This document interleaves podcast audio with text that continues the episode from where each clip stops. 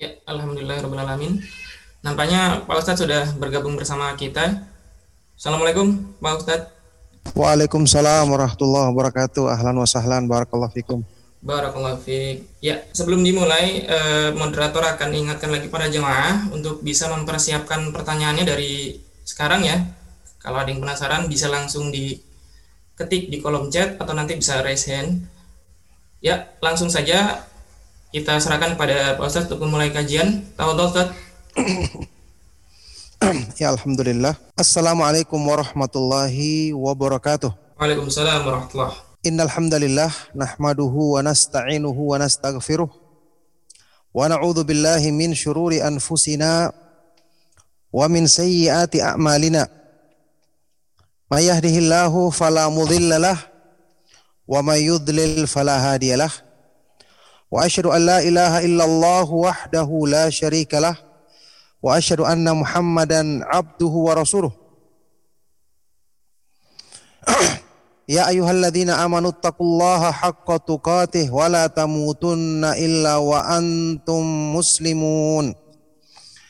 Ya ayuhan nasu taqu rabbakumul ladzi khalaqakum min nafsi wahidah wa khalaqa minha zawjaha wa batha minhuma rijalan katsiran wa nisaa'a Wattaqullaha alladzi tasaaluna bihi wal arham.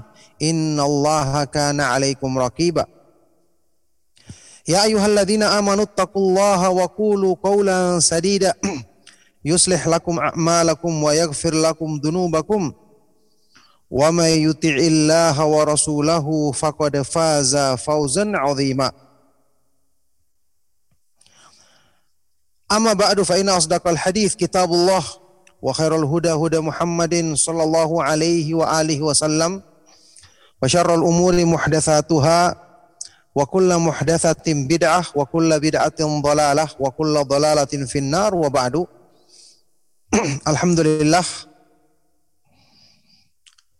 Alhamdulillah Bapak Ibu-ibu ikhwan dan akhwat fiddin rahimakumullah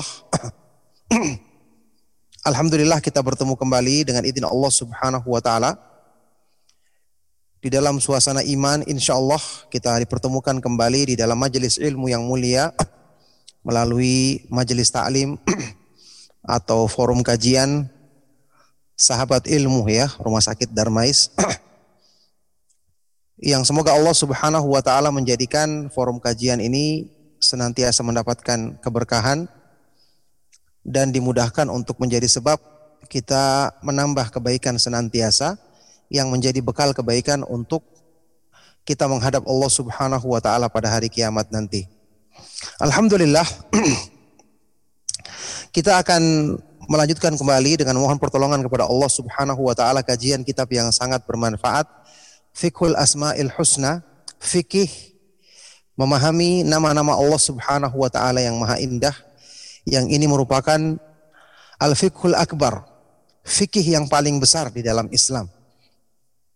Ini adalah upaya kita ya. Tentu saja selagi kita masih ada waktu dan kesempatan hidup di dunia, upaya kita untuk memperbaiki hubungan kita dengan Allah Subhanahu wa taala utamanya untuk menumbuhkan rasa cinta kepada Allah, ketakutan kepadanya, pengharapan, tawakal, ridho dengan segala ketentuannya dan hal-hal yang lain yang merupakan penopang keimanan. Ibnu Qayyim rahimahullah taala berkata, "Man 'arafa Allah bi asma'ihi wa sifatihi wa af'alihi ahabbahu la mahalata."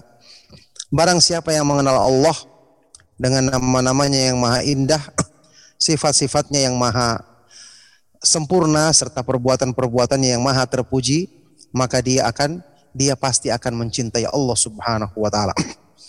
Maka kalau selama ini hati kita ya terlalu sering kita palingkan untuk mencintai dunia, terlalu sering diisi dengan hal-hal yang menjadikan kita kagum dari urusan-urusan dunia sehingga mengambil banyak tempat di hati kita yang ini menjadikan hati kita tempat yang harusnya diisi dengan kecintaan kepada Allah Subhanahu wa taala. Sudah sekian banyak kita korbankan untuk kecintaan kepada dunia, maka sekaranglah saatnya kita berusaha memperbaiki diri, membenahi diri dari dasar perbaikan yang paling asas yaitu perbaikan hati manusia yang Rasulullah SAW bersabda di dalam hadis yang sahih at-taqwa hahuna takwa itu terletak di sini sambil beliau menunjuk ke dalam dada beliau.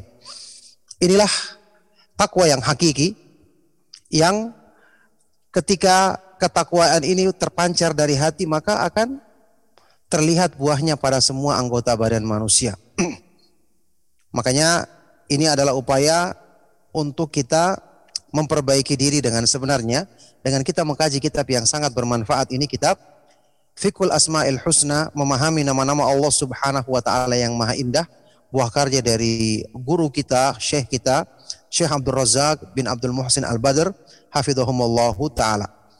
Baik, di pertemuan yang lalu saya sudah menjelaskan tentang bagaimana gambaran tentang tingginya kedudukan ilmu ini bahwa inilah ilmu yang paling mulia di dalam Islam secara mutlak. Tidak ada satupun yang melebihi keutamaan mempelajari ilmu ini. Nah, kitab ini sekarang ya, yang mudah-mudahan antum ya peserta bisa memegang paling tidak terjemahannya agar kita bisa mengikuti bersama ya. Sekarang kita akan baca kitab ini dari mukaddimah kata pengantar yang disampaikan oleh penulis Syekh Abdul Razak Al-Badr hafizahullah taala. Kita mulai baca dari kata pengantar agar kita tahu gambaran isi dari kitab ini supaya nanti insya Allah kita bisa melangkah dengan uh, terlebih dahulu kita punya pemahaman secara umum. Barakallahu fikum. Sekarang kita lihat al-muqaddimah ya, kata pengantar atau muqaddimah. Bismillahirrahmanirrahim. Dengan nama Allah yang Maha pengasih lagi maha penyayang. Asy'ab Abdul Razak hafizahullah taala berkata, Alhamdulillahi ala kulli hal al-mausufi bi sifatil azamati wal jalal.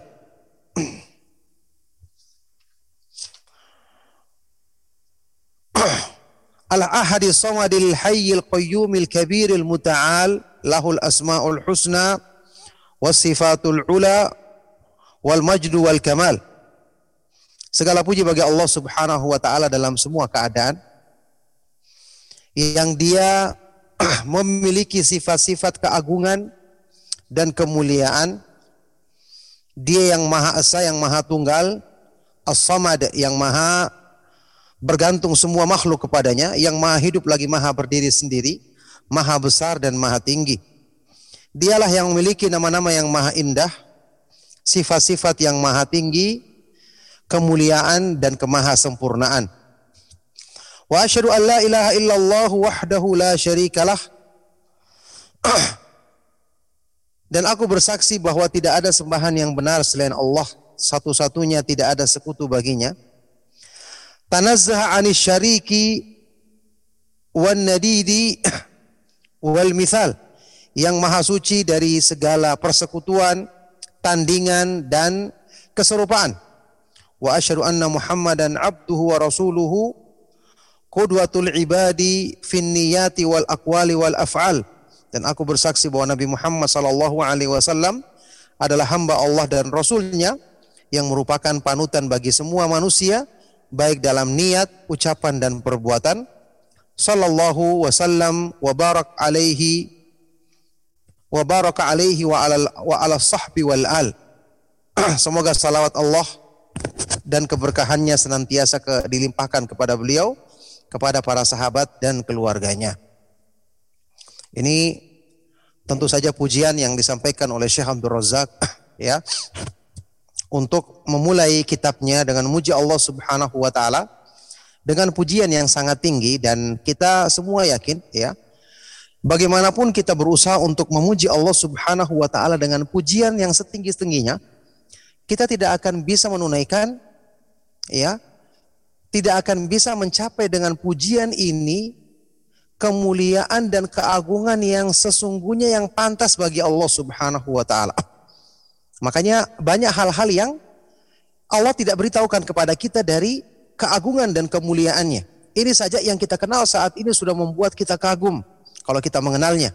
Sudah membuat hati kita benar-benar merindukan ya perhiasan iman dengan mengenal Allah Subhanahu wa taala. Kalau Rasulullah Shallallahu alaihi wasallam pernah menyebutkan di dalam doa beliau di dalam hadis sahih riwayat Imam Muslim, la uhsi thana'an 'alaika anta kama afnaita 'ala nafsik. Ya Allah, aku tidak mampu untuk membatasi sanjungan dan pujian yang pantas bagimu. Engkau adalah sebagaimana pujian yang engkau peruntukkan bagi dirimu sendiri. Rasulullah SAW tidak mampu membatasinya. Bagaimana mungkin manusia bisa membatasinya? Ini menunjukkan kemahagungan dan kemahatinggian Allah Subhanahu wa taala. Bagaimanapun kita memujinya, ya, maka tetap Allah Subhanahu wa taala lebih tinggi dan lebih agung daripada pujian yang disampaikan oleh manusia kepadanya. Maka di sinilah Bapak Ibu ikhwan dan akhwat fiddin rahimakumullah ya. Jemaah pengajian sahabat ilmu Rumah Sakit Darmais rahimakumullah di sini kita mengetahui kenapa tauhid mengesahkan Allah Subhanahu wa taala dalam beribadah erat kaitannya dengan kita mengenal Allah. erat kaitannya dengan kita mengenal Allah. Hadis yang saya bacakan tadi tentang doa Rasulullah Shallallahu alaihi wasallam ini doa yang diucapkan beliau ketika sholat malam. ya. Di awalnya Rasulullah SAW mengucapkan seperti ini. Allahumma inni a'udhu biridhaka min sakhatika wa bimu'afatika min uqubatika wa bika minka la uhsi thana'an 'alaika anta kama athnaita ala nafsik. ya Allah sesungguhnya aku berlindung dengan keridhoanmu dari kemurkaanmu. Aku berlindung dengan pemaafanmu dari siksaanmu. Aku berlindung denganmu darimu. Ya, aku berlindung denganmu darimu. Aku tidak mampu membatasi sanjungan dan pujian bagimu ya Allah. Engkau adalah seperti sanjungan dan pujian yang engkau peruntukkan bagi dirimu sendiri yang maha mulia. Dalam kalimat ini, doa ini terdapat satu hakikat tauhid yang sesungguhnya. Yaitu apa? Ketika hamba bisa memurnikan peribadatannya kepada Allah, lahir dan batin, sehingga ketika dia takut kepada Allah, ya, takut kepada Allah, menjadikan dia tidak lari kepada makhluk karena dia tahu dia lari ke mana pun, tidak ada yang bisa menyelamatkan dia dari kekuasaan Allah Subhanahu wa Ta'ala. Tidak ada yang bisa menyelamatkan dia dari kemurkaan Allah Subhanahu wa Ta'ala. Maka rasa takutnya di, menjadikan dia semakin dekat kepada Allah. Dan kedekatan dia kepada Allah menjadikan dia semakin takut kepada Allah. Ini ibadah yang sesungguhnya. Ya, kalau makhluk kita takut, kita harus hindari. Kita jauhi karena bisa kita jauhi. ya. Kemudian makhluk kita dekat dengannya atau kita minta kepadanya, kita bisa kecewa karena makhluk terbatas apa yang dimilikinya. Tapi kalau kita mengenal Allah, setelah itu kita semakin takut karena dia ternyata maha kuat dan maha perkasa, bisa menimpakan apa saja yang dikehendakinya kepada kita kalau dia menghendakinya. Tapi ketakutan ini menjadikan kita tidak lari ke mana-mana, tapi tetap kembali kepada Allah Subhanahu wa Ta'ala maka dalam semua keadaan hati kita akan diliputi cinta kepada Allah, rasa takut kepada Allah sekaligus pengharapan kepadanya. Makanya ketika kita mempelajari nama-nama dan sifat-sifat Allah Subhanahu wa taala, ketakutan tidak akan menjadikan kita putus asa. Karena kita tahu Allah Subhanahu wa taala ya yang menjamin keamanan orang yang dekat dengannya. Allah Subhanahu wa taala yang kita takuti karena azabnya yang sangat keras, siksaannya yang sangat pedih, ya. Kemahakuasaannya yang meliputi segala sesuatu, bersamaan dengan itu dia adalah maha pengasih lagi maha penyayang. Bahkan sudah kita sebutkan, Allah berfirman dalam hadis kursi, Inna rahmati sabaqat ghadabi, sesungguhnya rahmatku mendahului kemurkaanku, maka ketika kita berlindung kepada Allah Subhanahu wa taala, rasa takut kita akan disertai dengan pengharapan. Ini yang menjadikan semakin kita mengenal Allah, semakin kita mencintainya. Semakin kita dekat dengannya, semakin kita merasa tenang ketika bersandar selalu menggantungkan diri, menggantungkan diri kita kepadanya. Oleh karena itu, Bapak Ibu, ikhwan dan akhwat fiddin rahimakumullah, ketahuilah sebenarnya hakikat syirik ya. Dan hakikat ini kita pahami kaidah dasar ini. Apa aslinya atau apa dasarnya syirik? Dan bagaimana kita lepas dari syirik itu? ya. Syekhul Islam Ibnu Taimiyah rahimahullah taala pernah mengatakan Inna asla syirki wa qa'idatahu allati buniya 'alaiha at-ta'alluqu bi ghairillah. Sesungguhnya asal kesyirikan dan landasan utama kesyirikan yang semua bangunan syirik dibangun di atasnya adalah ketergantungan kepada selain Allah. Ketergantungan kepada selain Allah. Ini asal syirik. Orang menyembah berhala, orang yang datang ke kuburan, menyembah pohon keramat, membawa sesajen di pinggir pantai atau di pinggir sungai, datang ke dukun, satu sebab utamanya. Satu sebabnya, tidak lain. Yaitu karena mereka menginginkan hajat untuk dipenuhi. Memang manusia diciptakan dalam keadaan lemah. Wa khuliqal insanu. Manusia diciptakan dalam keadaan lemah, penuh dengan kekurangan. Maka untuk memenuhi kekurangan ini, mereka mencari sesuatu yang kira-kira bisa menjadi tempat bersandar. Ketika dia tidak kenal Allah, jadilah dia terjerumus ke dalam kesyirikan. ya maka maaf saja, di mana pun kita berada, hakikat diri kita yang diciptakan dalam keadaan lemah ini akan selalu menuntut kita mencari sebab untuk menyandarkan kita agar kita mengatasi kelemahan dan kekurangan diri kita tersebut. Maka ketika kita tidak mengenal Allah, kita pasti akan mengarahkan kelemahan diri kita ini kepada makhluk yang ada di sekitar kita. Orang-orang di zaman jahiliyah, ya bersandarnya kepada berhala mungkin, kepada jin, kepada penunggu lembah tertentu, lembah-lembah yang angker, orang-orang di kampung mungkin di kuburan-kuburan dikeramatkan, atau membawa sesajen di pantai, di pinggir sungai. Orang-orang di kota juga sama. Mereka akan bersandar kepada fasilitas yang mereka miliki. Ada yang bersandar kepada kemampuan atau keahlian yang dimilikinya.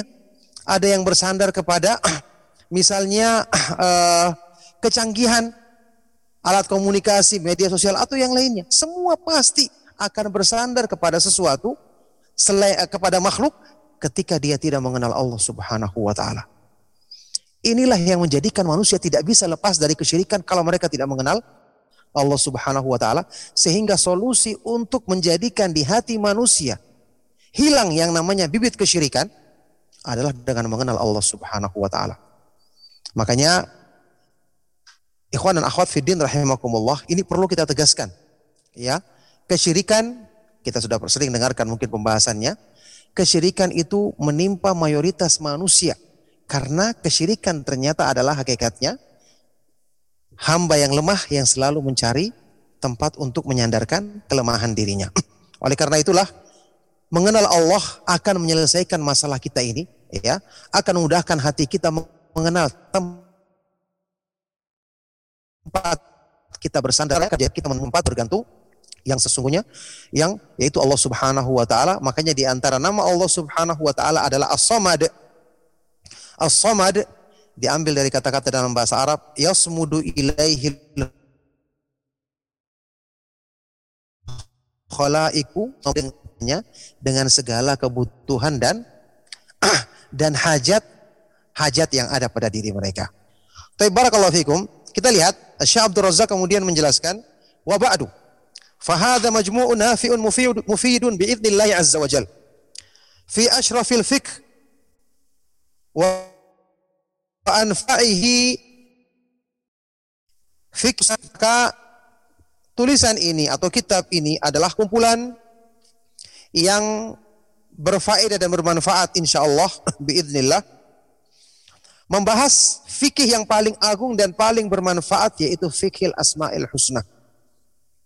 Fikih nama-nama Allah Subhanahu wa taala yang maha indah. Ini yang paling bermanfaat yang paling dibutuhkan hati manusia syarahtu fihi akthar min mi'ati ismin min asma'illahil husna masbuqatan bimuqaddimatin ta'siliyatin ta'siliyatin fi fikih hadzal babil azim. Aku jelaskan di dalam kitab ini lebih dari 100 nama Allah dari nama-namanya yang maha indah yang terdapat di dalam Al-Qur'an dan hadis-hadis Rasulullah Shallallahu alaihi wasallam yang saya mulai dengan mukaddimah ya kata pengantar untuk uh, menyebutkan kaidah dasar dalam memahami ya bab atau pembahasan yang sangat agung ini. Nah, jadi para ulama senantiasa ya mengumpulkan di dalam ayat-ayat Al-Qur'an dan hadis-hadis Rasulullah Shallallahu alaihi wasallam nama-nama Allah yang maha indah kemudian mereka jelaskan karena sudah kita ketahui hadis yang menyebutkan kumpulan nama-nama Allah seperti yang sering kita yang mungkin pernah kita baca ya di eh, biasanya di Al-Qur'an yang lama itu cetakan lama ada di sampulnya nama-nama Allah yang Asmaul Husna 99. Ini semua disepakati oleh para ulama bahwa hadis ini adalah hadis yang sangat lemah yang menyebutkan kumpulan nama-nama tersebut. Oleh karena itu, para ulama sejak dahulu mereka mengumpulkan sendiri dari ayat Al-Qur'an dan hadis-hadis yang sahih ya, apalagi yang uh, dikumpulkan di hadis tersebut beberapa ada nama-nama Allah Subhanahu wa taala yang tidak sesuai, yang tidak benar ya. Makanya seperti yang beliau nanti akan sebutkan di bagian pembahasan inti kitab ini adalah kumpulan dari nama-nama yang beliau kumpulkan dari ayat-ayat Al-Qur'an dan hadis-hadis yang sahih dari Rasulullah sallallahu alaihi wa alihi wasallam. Nah. Baik. Wa haristu fi i'dadihi ala an yakuna bi alfadhin wadihatin wa uslubin. Sungguh aku berusaha ketika menyiapkan ya menulis kitab ini supaya menggunakan kata-kata yang jelas dan metode penulisan yang mudah untuk difahami. Ma'inayatin bi'ardi syawahidi wa dzikri dalaili min kitabillahi azza wa jal wa sunnatin nabiyil karimi sallallahu alaihi wasallam. Tentu dengan memberikan perhatian untuk membawakan dalil-dalil ya argumentasi-argumentasi dari Al-Quran dan hadis ya sunnah Rasulullah SAW hadis-hadis yang sahih dari Rasulullah SAW Alaihi Wasallam muwaddihan bima tayassara minal jana minal jawanib ta'abbudiyati wal atharil imaniyati allati hiya muqtadal imani bi asma'illahi dengan menjelaskan ya menjelaskan hal-hal yang Allah mudahkan bagiku, ya menjelaskan sisi-sisi atau segi-segi penghambaan diri. Faedah penghambaan diri ibadah dari nama-nama tersebut serta pengaruh terhadap iman, pengaruhnya terhadap iman yang ini merupakan konsekuensi keimanan terhadap nama-nama Allah Subhanahu wa taala yang maha indah. Jadi begini ya, Bapak Ibu ikhwan dan akhwat fiddin rahimakumullah, saya pertama kali membaca kitab ini waktu mungkin sudah ya uh, lebih dari 15 tahun yang lalu mungkin ya. pertama kali kitab ini saya masih kuliah di Madinah dibagikan secara gratis. Rata-rata buku atau tulisan yang ditulis oleh Syekh Abdul Razak atau uh, ayah beliau Syekh Abdul Musin Al-Badr hafizahumullah taala itu sering dibagi-bagi secara gratis. Ada muhsinin yang mencetaknya kemudian dibagi secara gratis biasanya di musim haji atau kepada para penuntut ilmu dan yang lainnya. Ketika pertama kali saya membaca buku ini lebih dari 10 tahun yang lalu atau bahkan 15 tahun yang lalu uh, saya sudah pernah mempelajari beberapa buku yang menerangkan tentang nama-nama dan sifat-sifat Allah Subhanahu wa taala. Misalnya kitab Al-Aqidatul Wasitiyah dengan banyak syarah yang sudah kita pernah baca, baik yang ringkas maupun yang panjang. Atau kitab Al-Qawaidul Muthla kaidah-kaidah dalam memahami nama-nama dan sifat-sifat Allah. Dulunya ketika membaca tema tentang pembahasan nama-nama dan sifat-sifat Allah, yang muncul dalam pikiran kita adalah pembahasan tentang membantah ahlul kalam, ya, membantah orang-orang yang menolak sifat-sifat Allah, membantah Mu'tazilah, Jahmiyah, ya, membantah Asy'ariyah dan seterusnya. Ya, ini menjelaskan tentang ini takwil yang salah, yang benar adalah ini. Kemudian eh, menjelaskan tentang bagaimana Ahlus Sunnah wal Jamaah menetapkan tanpa menyerupakan, tanpa membagaimanakan, tanpa menolak, tanpa menyelewengkan maknanya. Pembahasannya seputar mas pembahasan mengenai nama-nama dan sifat subhanahu wa ta'ala itu benar-benar pembahasan yang cukup berat. Ya, karena isinya adalah bantahan ahlul kalam punya syubhat begini dibantah dan seterusnya. Ya ini butuh orang-orang yang benar-benar kita ini ya sebenarnya pembahasan inti dari nama-nama dan sifat-sifat Allah Subhanahu wa taala adalah kita mengenal kemahaindahan Allah. Ya, agar hati kita untuk mengenal keindahan yang sejati supaya kita bisa memalingkan diri kita dari keindahan dunia yang palsu agar dahaga ini terpenuhi. Subhanallah kitab ini izin Allah Subhanahu menjelaskan sifat tersebut maka pertama kali kami membacanya benar-benar luar biasa gembira. Dapat apa yang kita inginkan selama ini dari pembahasan tentang eh, nama-nama mengenal nama-nama Allah Subhanahu wa taala dan sifat bukan cuman saya katakan tadi ya ini mungkin untuk uh, pemahamannya kuat, kesabarannya tinggi untuk membantah penyimpangan-penyimpangan tersebut di samping dia sendiri harus memahaminya. Tapi orang-orang yang ya saya merasa diri saya lemah iman seperti saya, saya butuh untuk mengetahui setiap nama Allah Subhanahu wa ya segi-segi yang menjadikannya mengutamakan ikhlas kita, kecintaan kita, ketakutan kita, pengharapan kita kepada Allah bagaimana? Ini yang yang tentu kita butuhkan. Subhanallah, kitab ini menjelaskan hal tersebut dengan lafaz yang ringkas, metode pemah apa ini uh, yang mudah dipahami, pembahasan yang mudah dipahami dengan menukilkan Al-Qur'an, menukilkan hadis-hadis Rasulullah SAW, kemudian keterangan para ulama, utamanya keterangan Syekhul Islam Ibnu Taimiyah, Imam Ibnu Qayyim, Syekh Abdurrahman As-Sa'di dan para ulama yang lainnya rahimahumullah taala yang ternyata ini benar-benar pembahasan yang kita nantikan karena inilah yang menjadi ya jawaban dari ya saya tidak mengetahui ada berapa yang saya dapati dalam diri saya dan beberapa ikhwan yang saya tanya, kita selalu merasa waktu beribadah kepada Allah Subhanahu wa taala, kita merasa hati kita kayak tidak nyambung.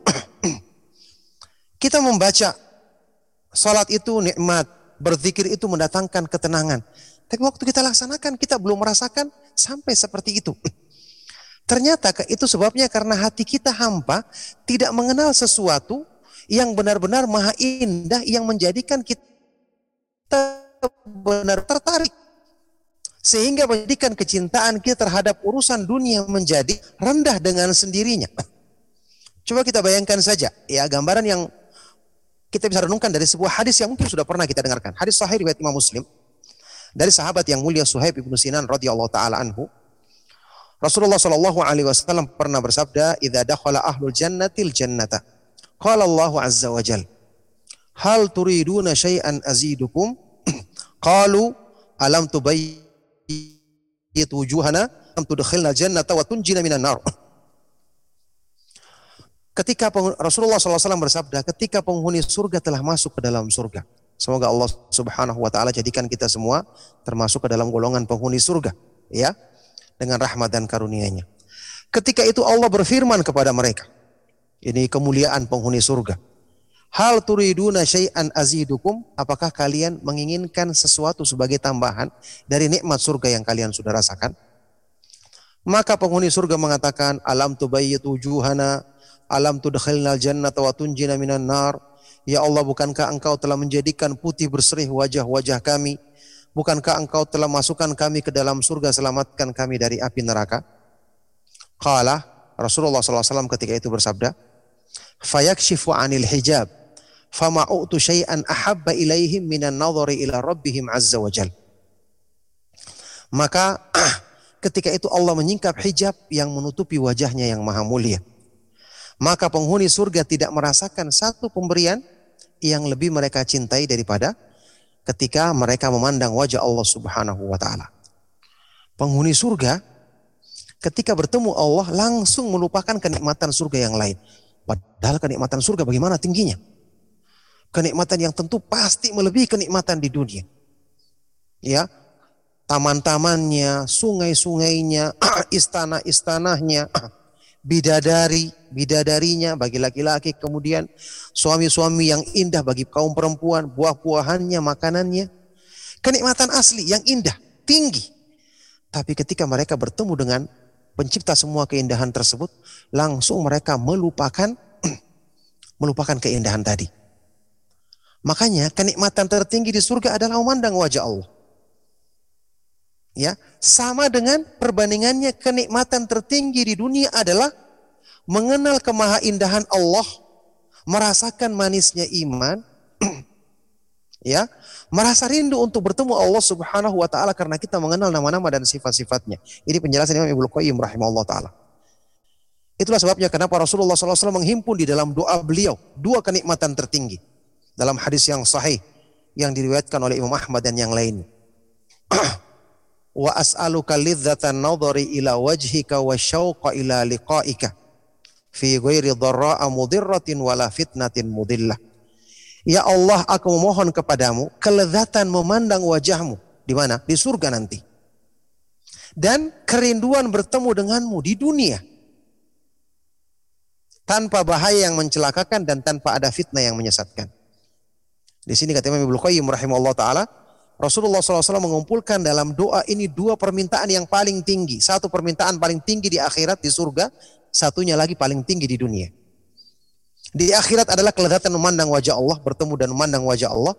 Di dunia adalah kerinduan bertemu dengan Allah. Kata beliau, ini adalah buah dari kita mengenal Allah. Dengan kita semakin mencintainya, mengharapkannya, merasakan tenang ketika dekat dengannya ini menjadikan kita rindu untuk selalu bertemu Allah. Makanya orang yang mengenal Allah dia akan rindu untuk selalu beribadah. Dia akan betah berlama-lama dalam sholatnya. Dia akan betah berzikir berlama-lama, membaca Al-Quran berlama-lama.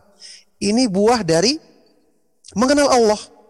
Sehingga kata beliau, orang yang tidak merasakan kenikmatan tertinggi di dunia tidak akan mendapatkan balasan kenikmatan tertinggi di akhirat. Sama dengan ucapan Ibnu Taimiyah rahimahullah taala yang terkenal. Inna fid dunya jannatan man lam yadkhulha la yadkhulu jannatal akhirah. Sesungguhnya di dunia ini ada surga, barang siapa yang belum masuk ke dalam surga di dunia ini, dia tidak akan masuk ke dalam surga di akhirat nanti. Apa surga di dunia ini? Kenikmatan ketika kita mengenal Allah, mencintai Allah, takut kepada Allah, berharap kepada Allah. Barang siapa yang belum masuk ke dalam surga di dunia ini maka dia tidak akan masuk ke dalam surga di akhirat nanti. Ini pernyataan dari Syekhul Islam Ibnu Taimiyah rahimahullah taala. Baik, kita lanjut. Wa qad istafattu fihi kathiran min takrirati ahli al-ilmi ar-rasikhina. Wala siyama Syekhul Islam Ibnu Taimiyah wa tilmidahu al-Allama Ibnu Al-Qayyim wa Syekh Abdurrahman As-Sa'di rahimahumullah rahimallahul jami'. Dan sungguh aku mengambil faedah, banyak mengambil uh, sumber pembahasan atau referensi dalam pembahasan ini ya, kebanyakan dari penjelasan para ulama yang mendalam ilmunya, terutama Syekhul Islam Ibnu Taimiyah, muridnya Imam Ibnu Qayyim rahimahumullah dan Syekh Abdurrahman As-Sa'di rahimah, rahimahumullah taala semoga Allah merahmati semuanya. Wa huwa fil asli halaqatun qaddamtuha abra idza'atil Qur'anil Karimi bil mamlak mamlakatil Arabiyyati Saudiyati harasahullah. Yang tulisan ini asalnya adalah ya majelis taklim atau halakoh-halakoh pengajian yang aku sampaikan melalui uh, siaran radio Al-Qur'anul Karim. Idza'atul Qur'anil Karim, ya, siaran Al-Qur'an Al-Karim di Kerajaan Arab Saudi Semoga Allah Subhanahu wa taala senantiasa menjaganya. Jadi asalnya ini Syekh menyampaikan kajian ya rutin di Idzaatil Qur'anil Karim ya, siaran radio Quran Al-Karim di Arab Saudi. Di antaranya membawakan beberapa kajian tentang masalah fikih Asmaul Husna ini kemudian dikumpulkan menjadi tulisan, begitu. Fi halaqatin us, usbu'iyatin balagot iddatuha ithnataini wa thamanina halaqatan. Di halakoh pengajian setiap pekan yang jumlahnya mencapai 82 majlis atau 82 halakoh. Jadi 82 kali pengajian begitu ya. Yang kemudian disusun menjadi buku ini ya. Nah, jadi itu adalah asalnya pengajian yang kemudian ditulis, kemudian tentu ditambah keterangannya oleh Syekh agar bisa menjadi eh, buku yang bermanfaat yang lebih mudah untuk kita ambil faedahnya insya Allah. Taib di akhir pembahasan ini Syekh kemudian mengisyaratkan tentu dengan kerendahan diri beliau, hafizahullah taala mengisyaratkan ya Hadza walais walastu fi hadzal babi bi farisin wala rah wala rajil.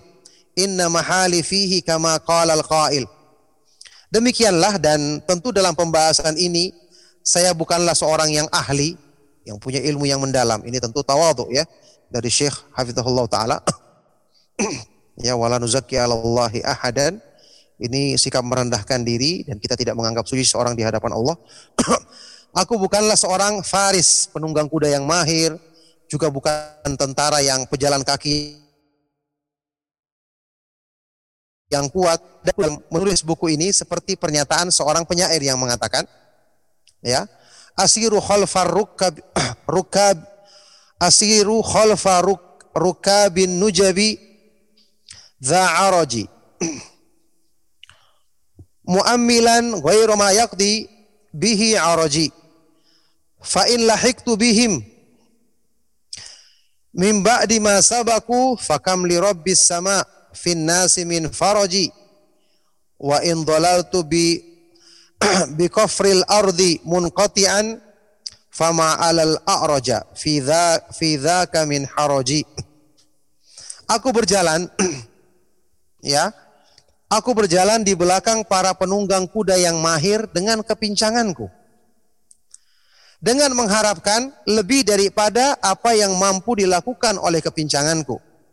Kalau saya bisa menyusul mereka setelah mereka jauh meninggalkanku, maka berapa banyak jalan keluar yang diberikan oleh Rob yang menguasai langit ya pada diri manusia berapa banyak jalan keluar yang diberikannya. Dan seandainya pun aku terus tertinggal di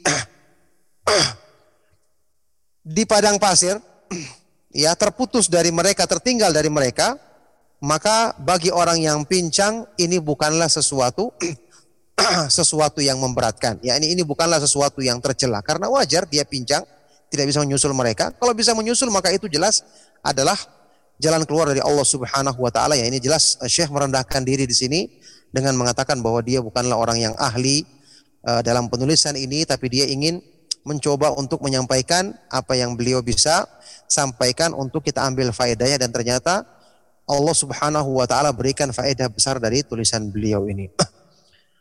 Naam. Wa as'alullah al-karim al-mannan. Al-mannan al-hayy al-qayyum al-ahad as-samad.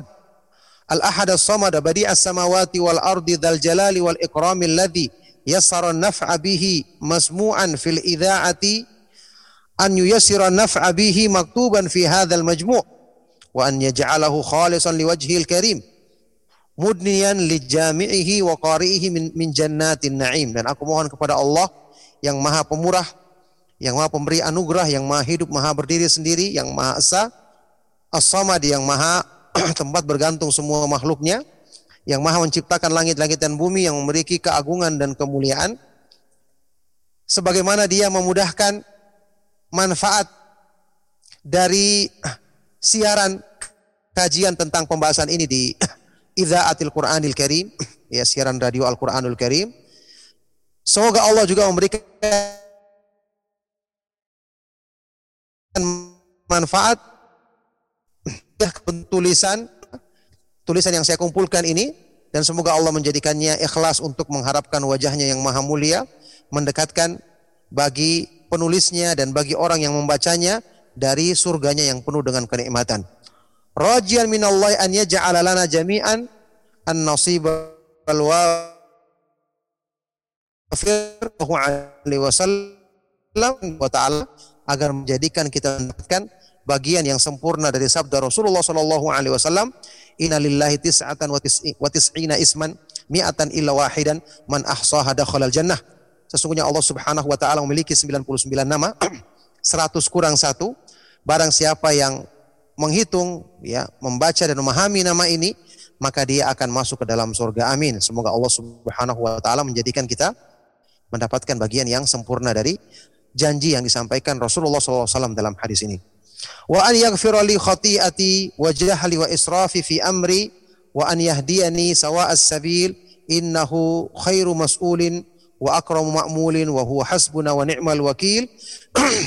Dan semoga Allah Subhanahu wa taala mengampuni dosa-dosaku, kejahilanku, sikapku yang melampaui batas dalam urusanku dan semoga Allah memberikan hidayah kepadaku jalan yang lurus dia adalah sebaik-baik tempat meminta, semulia-mulia tempat kita harapkan dan dia adalah yang mencukupi kita dan dia adalah sebaik-baik sebaik-baik pelindung. Wa inni la ashkurullah subhanahu wa ahmadu hamdan katsiran tayyiban mubarakan fi ala man nabihi wa tafaddala bi an yasara li i'dad hadzal kitab wa nashrahu wa as'aluhu tabaraka wa ta'ala an yataqabbalahu minni biqabulin hasanin innahu huwas samiul alim.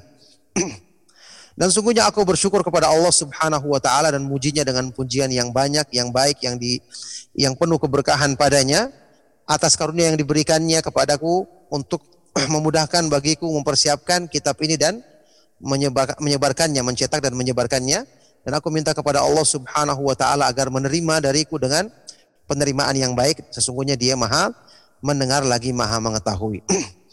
Kemudian saya ringkas di sini Syekh juga ya uh, mengucapkan terima kasih setelah bersyukur kepada Allah Subhanahu wa taala kepada semua yang uh, berperan dalam uh, memberikan sumbangsinya atau pandangannya atau tambahannya kepada uh, kitab ini ketika ditulis oleh Syekh ya. Yang beliau nukilkan di sini yang beliau khususkan adalah ayah beliau yaitu Syekh Abdul Muhsin Al Badr hafizahullah taala ya. Yang mendengarkan ketika Syekh membaca kitab ini sampai selesai kemudian memberikan beberapa faedah dengan tambahan keterangan atau hal-hal yang perlu diluruskan ya Nah, semoga Allah Subhanahu wa taala menjadikan itu dalam timbangan kebaikannya pada hari kiamat nanti. Kemudian juga di sini Syekh mengucapkan terima kasih ya kepada guru beliau Syekh Al-Jalil Syekh Abdullah bin Abdul Aziz Ibnu Akil ya.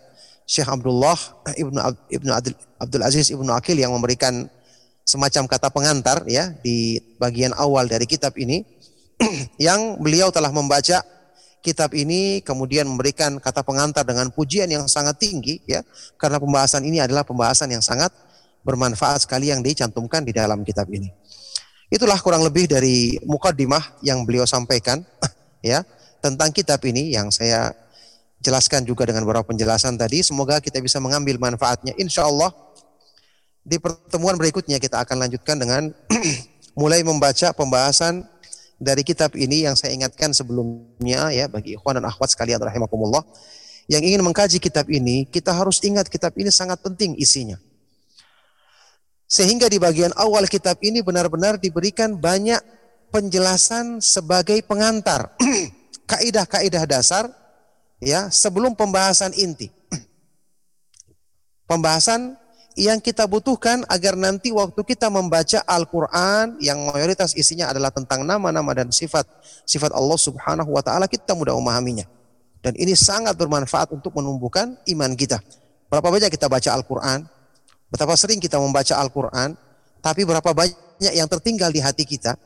Ya, makanya pembahasan yang akan dibawakan nanti saya berharap kita bersabar untuk membacanya beberapa uh, pasal yang dijadikan sebagai pengantar oleh beliau kita sabar untuk mengkajinya Semoga Allah Subhanahu wa taala menjadikan kesabaran kita akan uh, mendatangkan pahala yang berlipat ganda dari sisinya dan kemudahan untuk memahami ilmu yang agung ini untuk bekal kebaikan kita bahkan sebaik-baik bekal untuk kita menghadap Allah Subhanahu wa taala pada hari kiamat nanti.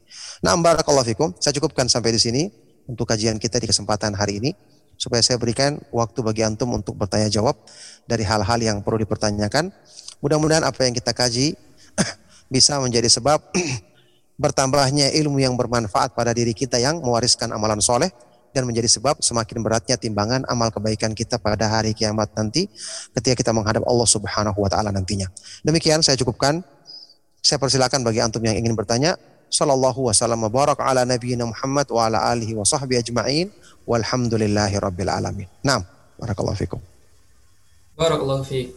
Alhamdulillahi rabbil alamin telah kita simak bersama-sama kajian mengenai fikih Asmaul Husna yang pada malam hari ini pembahasan mengenai kata pengantar atau mukadimah dari sang penulis yakni Syekh Abdul Razak bin Abdul Muhsin dan insya Allah ya ini jadi pedoman kuat ya Pak Ustadz ya fondasi kita bersama sebelum kita memahami keseluruhan dari isi kitab fikih Asmaul Husna ini Baik, kita akan langsung masuk ke tanya jawab. Sudah ada beberapa pertanyaan yang masuk.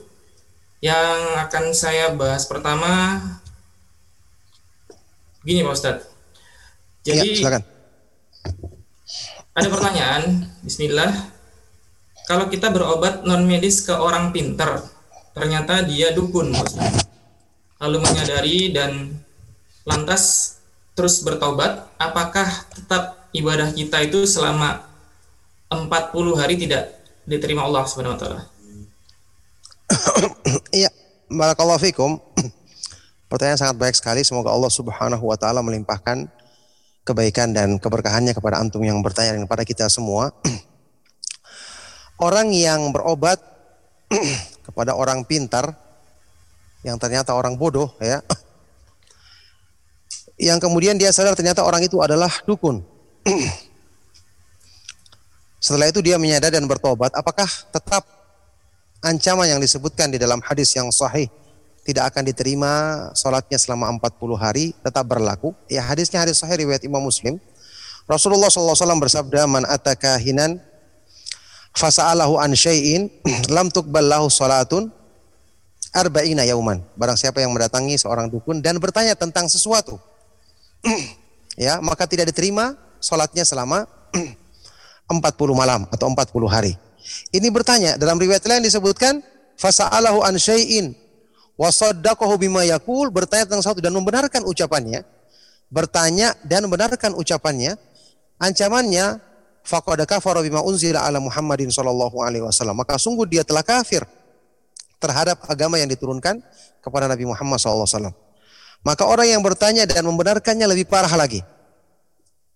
Nah sekarang kalau dia sekedar datang ya berobat kepada orang yang dianggap orang pintar ternyata setelah itu dia ketahui bahwa ini adalah dukun ya dan dukun ini di dalam Islam direndahkan ya karena mereka ini adalah tempat turunnya syaitan ketika uh, ke bumi tempat-tempat singgahnya syaitan adalah kepada para dukun dan tukang sihir makanya Rasulullah SAW mengatakan hum laisu mereka ini tidak punya nilai tidak punya arti apa-apa Ya, makanya secara nama juga namanya dukun. Artinya dungu dan kuno. ya, orang-orang yang pantas untuk direndahkan.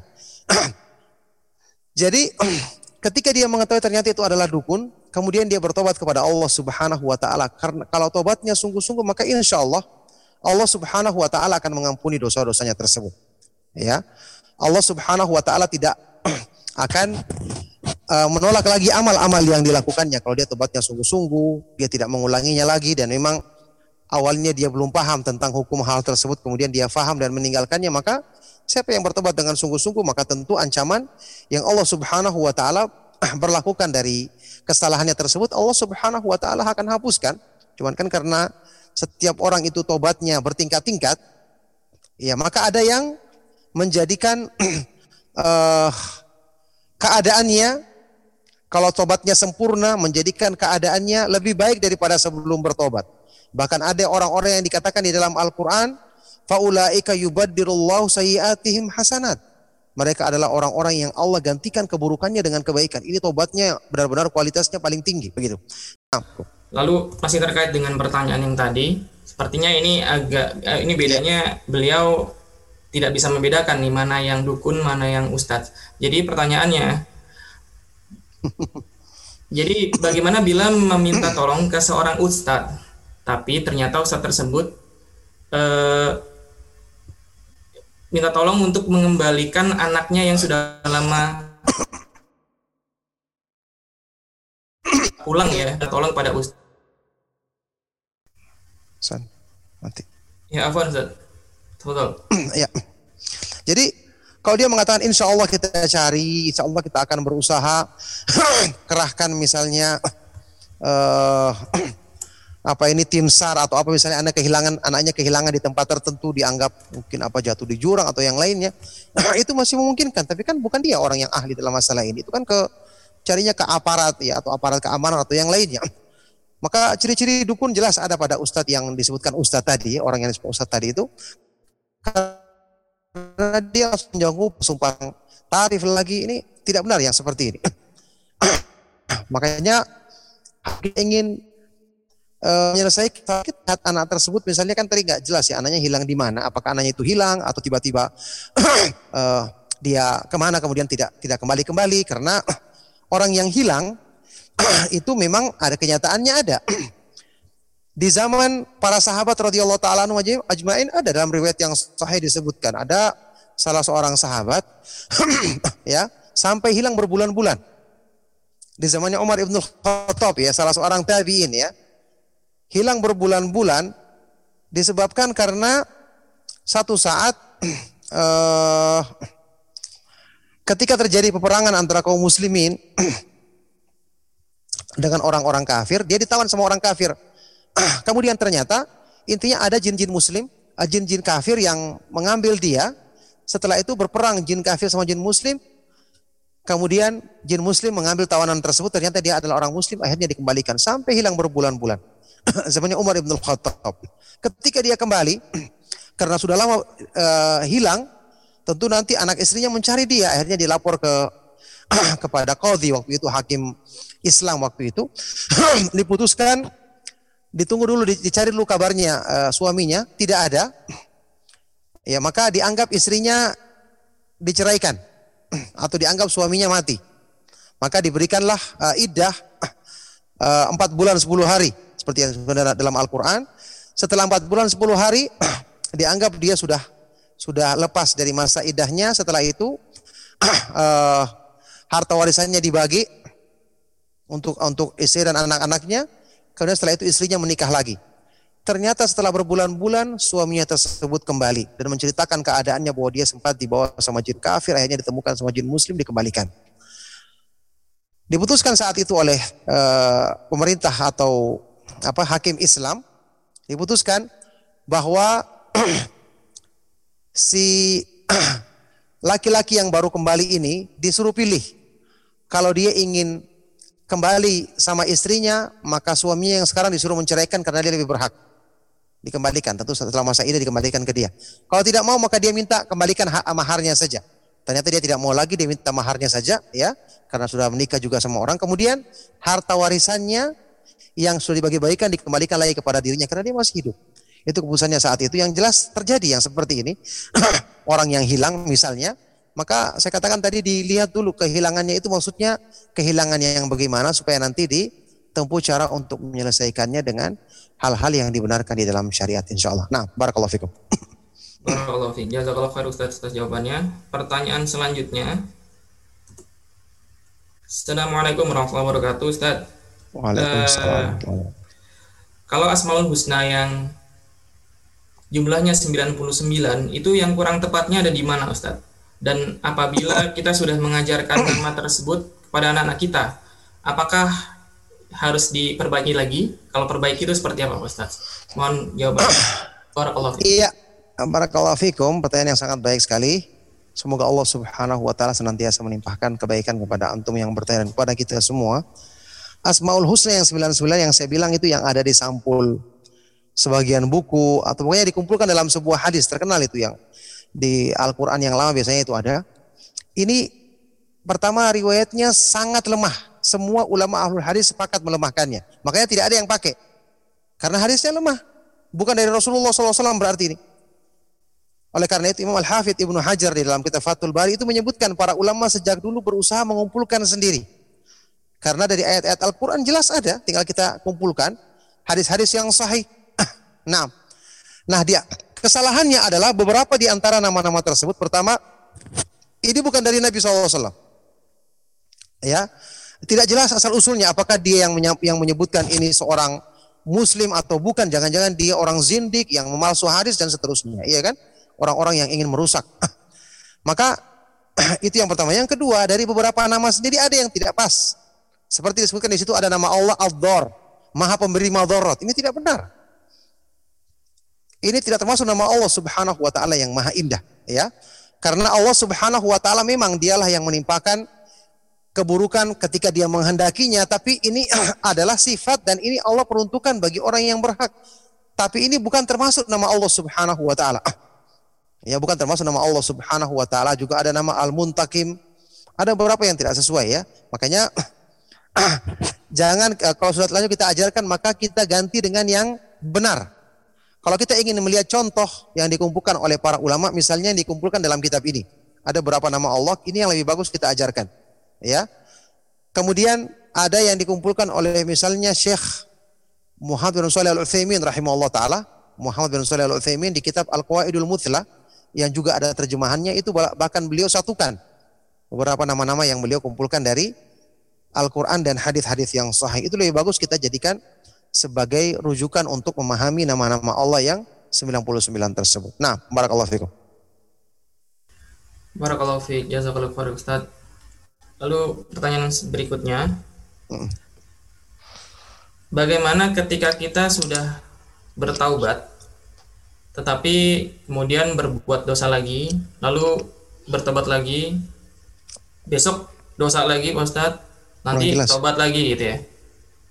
Assalamualaikum Pak. Terdengar suara anak? Oh maaf. Putus, uh, putus-putus. Maaf, oh, putus-putus. Afwan, afwan. Ya. Diulangi lagi ya, Pak Ustadz. Iya, diulangi. Silakan, silakan. Ya.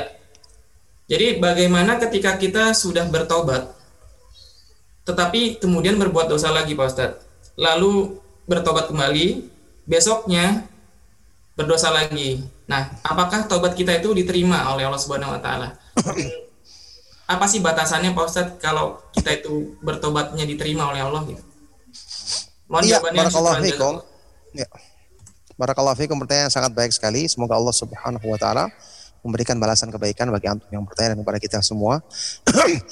Iya, orang yang telah bertobat, berbuat dosa lagi, kemudian bertobat, melakukan lagi. ya, apakah diterima oleh Allah atau tidak tobatnya setelah itu? Maka jawabannya, ini kembali kepada keadaan dia ketika bertobat di awal. ya, orang yang bersungguh-sungguh bertobat bukan berarti dia terjaga dari kesalahan setelah itu. Intinya atau kaidah dasarnya adalah yang penting waktu dia bertobat di awal dia sungguh-sungguh terpenuhi padanya syarat-syarat diterimanya tobat ya adanya uh, an-nadam ala mafa'al penyesalan yang sungguh-sungguh atas perbuatannya yang buruk itu. Yang kedua, al-azam ala adamil audah, tekad yang kuat untuk tidak mengulanginya. Kemudian al-iqla melepaskan diri dari dosa tersebut dengan sebab-sebabnya dia jauhi. Kalau dia bersungguh-sungguh dan seperti ini, ikhlas niatnya ya, bersungguh-sungguh untuk tidak mengulanginya, menyesalinya dan Allah Maha mengetahui, maka ketika itu tobatnya diterima. Begitu dia berbuat dosa lagi, semoga Allah menjaga kita dan menjauhkan kita dari segala bentuk dosa, ya. Berbuat dosa lagi berikutnya, maka selama itu bukan karena meremehkan, maka tobat yang eh, dosa yang berikutnya tidak mempengaruhi tobat yang pertama. Beda kalau misalnya dia tidak sungguh-sungguh kemudian terulang lagi, berarti kan ini karena meremehkan atau karena dia memang tidak sungguh-sungguh di awalnya maka terjerumus lagi maka tentu tidak diterima tobatnya yang pertama. Maka selama sudah terpenuhi syarat di tobat yang pertama, untuk tobat yang berikutnya diterima lagi dengan syarat tadi. Nah, oleh karena itu ya, kaidahnya di sini adalah yang penting dia sungguh-sungguh ya berdoa kepada Allah agar dimudahkan benar-benar meninggalkan dosa tersebut, menyesalinya dan ikhlas karena Allah Subhanahu wa taala, maka ini yang harusnya diusahakan oleh seorang hamba ketika dia bertobat sehingga Allah Subhanahu wa taala menerima tobatnya dan menghapuskan dosa-dosanya. Bahkan Rasulullah SAW pernah bersabda, "At-taibu minadz-dzanbi kaman la dzanbalahu." Orang yang bertobat dari perbuatan dosanya adalah seperti orang yang tidak punya dosa sama sekali. Nah, barakallahu fikum. Barakallahu fiik. Masya Allah. Mudah-mudahan kita semua dijauhkan dari segala dosa dan tetap Amin. diberikan kesempatan untuk bertobat ya Pak Ustadz ya. Iya, masya Allah, alhamdulillah. Baik, eh, ada pertanyaan lagi nih nampaknya belum ada lagi setelah ini ya. Oh, oke baik. Jadi terkait dengan 99 nama tadi Pak Ustadz kan memang ternyata lemah ya eh, secara hadis. Apakah ada jumlah pastinya dari Ustadz Ahlus Sunnah? Berapa kira-kira yang telah dikumpulkan sampai saat ini Pak Ustadz? Jazakallah khair. Begini, ya pertanyaan yang sangat baik sekali. Semoga Allah Subhanahu wa taala melimpahkan kebaikan kepada antum yang bertanya kepada kita semua. Yang lemah itu bukan yang menyebutkan 99 karena itu hadis Bukhari Muslim. Yang Oke. tadi kita baca hadisnya, ya, inna lillahi tis'atan wa tis'ina isman. Mi'atan illa wahidan man ahsaha dakhalal jannah wa inna Allah witrun yuhibbul witr. itu hadisnya. Sahih. Bukhari Muslim, hadis sahih. Sungguhnya Allah memiliki 99 nama, 100 kurang satu. Barang siapa yang menghitungnya, artinya memahami isinya, mempraktekkan kandungannya, maka dia akan masuk ke dalam surga. Set- Sampai di sini hadisnya sahih. Setelah itu di sebagian riwayat di dalam Sunan Tirmidzi disebutkan rincian nama tersebut sampai 99. Inilah tambahan ini yang lemah. Inilah yang bukan dari Nabi Shallallahu Alaihi Wasallam karena riwayatnya sangat lemah dan disepakati oleh ulama ahlul hadis tentang kelemahannya.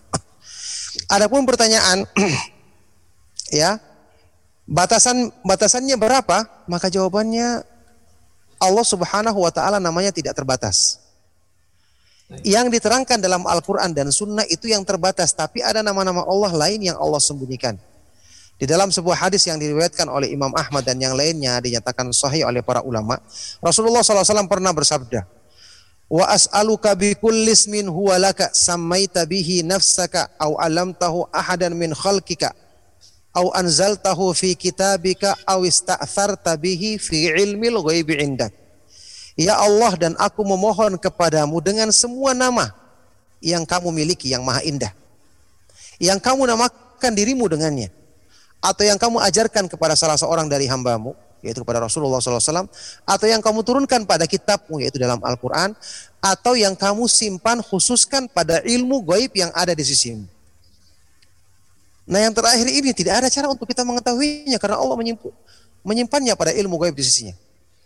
Berarti nama Allah yang 99 ini ya adalah nama Allah dengan keutamaan seperti yang disebutkan dalam hadis sebelumnya tadi.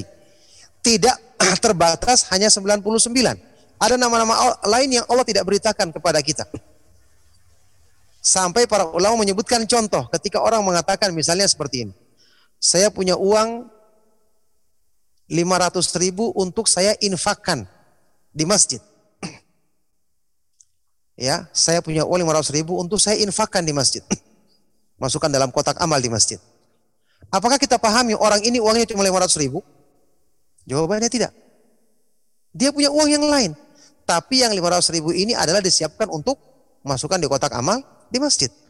Uang untuk kebutuhan yang lain dia punya.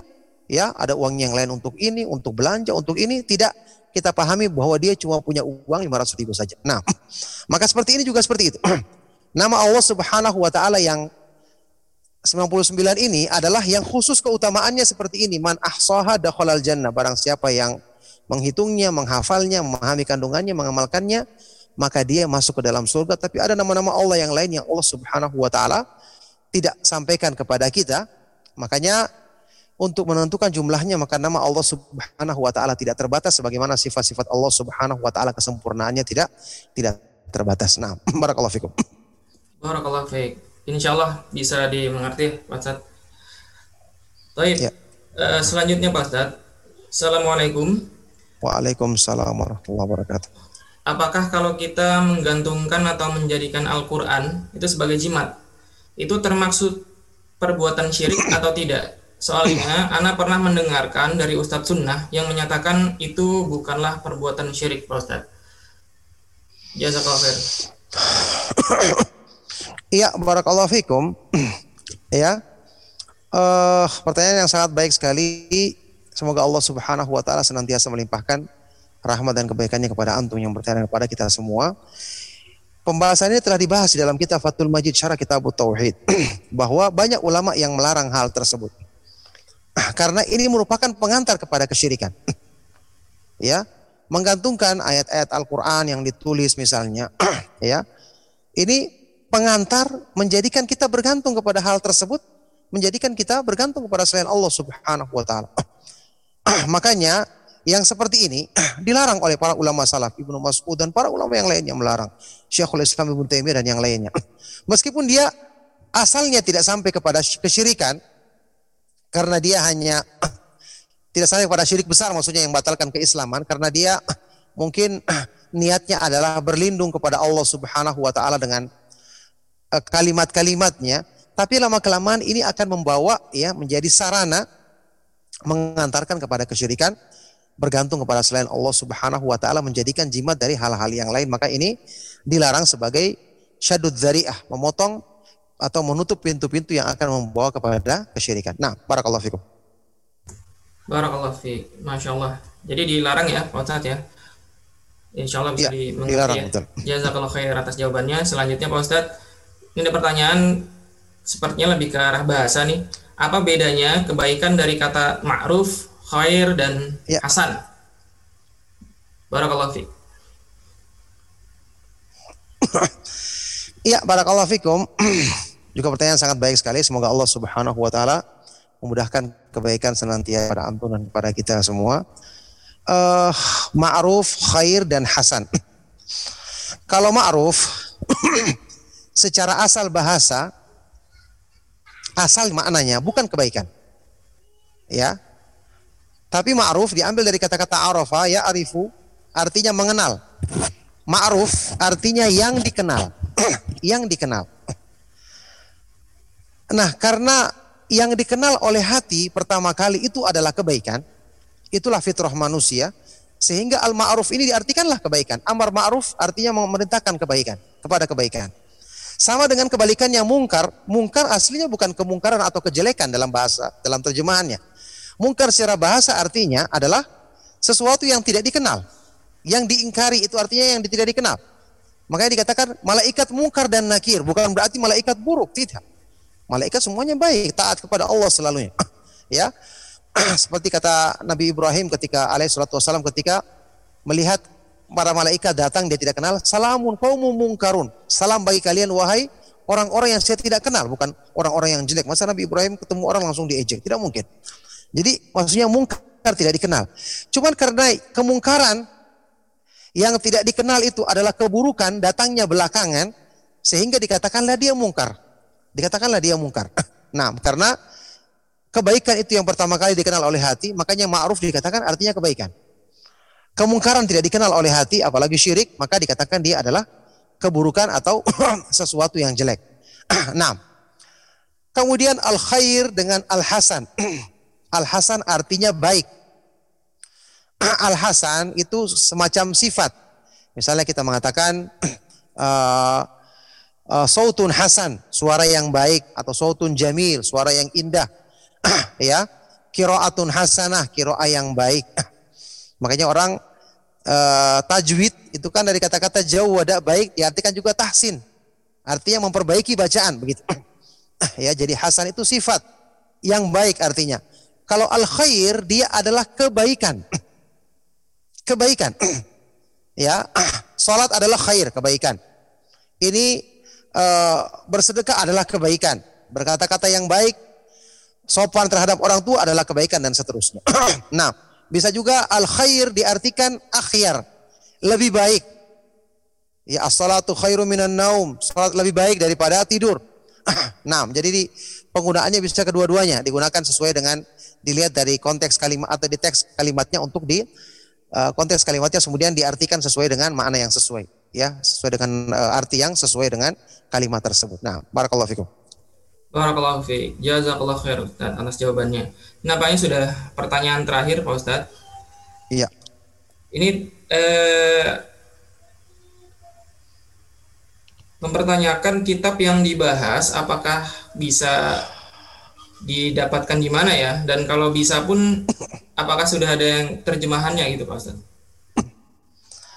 Iya, alhamdulillah. Iya, pertanyaan yang juga sangat baik sekali. Barakallahu fikum. Kitab ini setahu saya ada lebih dari satu terjemahan. Pertama terjemahannya judulnya juga Fikhu Asmaul Husna begitu terjemahannya. Itu saya tidak tahu cetakan saya lupa cetakan apa yang jelas itu yang sudah lebih lama ya diterjemahkan oleh Ustadz Abdurrahman Tayyib hafizahullah taala salah seorang ustadz kita yang kita kenal di Surabaya. uh, yang kedua ada terjemahan yang baru saya lihat cetakan saya juga lupa cetakan apa ya. Pokoknya juga bagus terjemahannya. Yang jelas dua cetakan ini bisa kita baca. ya tersebar di pasaran. Kalau kita cari di toko-toko buku insya Allah ada. Ya kita bilang Fikih Asmal Husna terjemahannya. Dan mudah-mudahan kita mudah untuk menemukannya karena setahu saya masih masih banyak di pasaran insya Allah. Nah, barakallahu fikum. Ini pertanyaan yang terakhir yang menutup perjumpaan kita di malam hari ini. Semoga bermanfaat dan menjadi bekal kebaikan untuk kita di dunia dan di akhirat nanti. Mohon maaf atas segala yang salah dan kurang. saya cukupkan. Sallallahu wasallam wa barak ala nabiyina Muhammad wa ala alihi wa sahbihi wa man tabi'ahum bi ihsan ila yaumiddin walhamdulillahi rabbil alamin. Subhanakallahumma wa bihamdika asyhadu an la ilaha illa anta astaghfiruka wa atubu ilaik. Wassalamualaikum warahmatullahi wabarakatuh. Waalaikumsalam warahmatullahi wabarakatuh. ارجعي إلى ربك راضية مرضية. فادخلي في عبادي. وادخلي جنتي.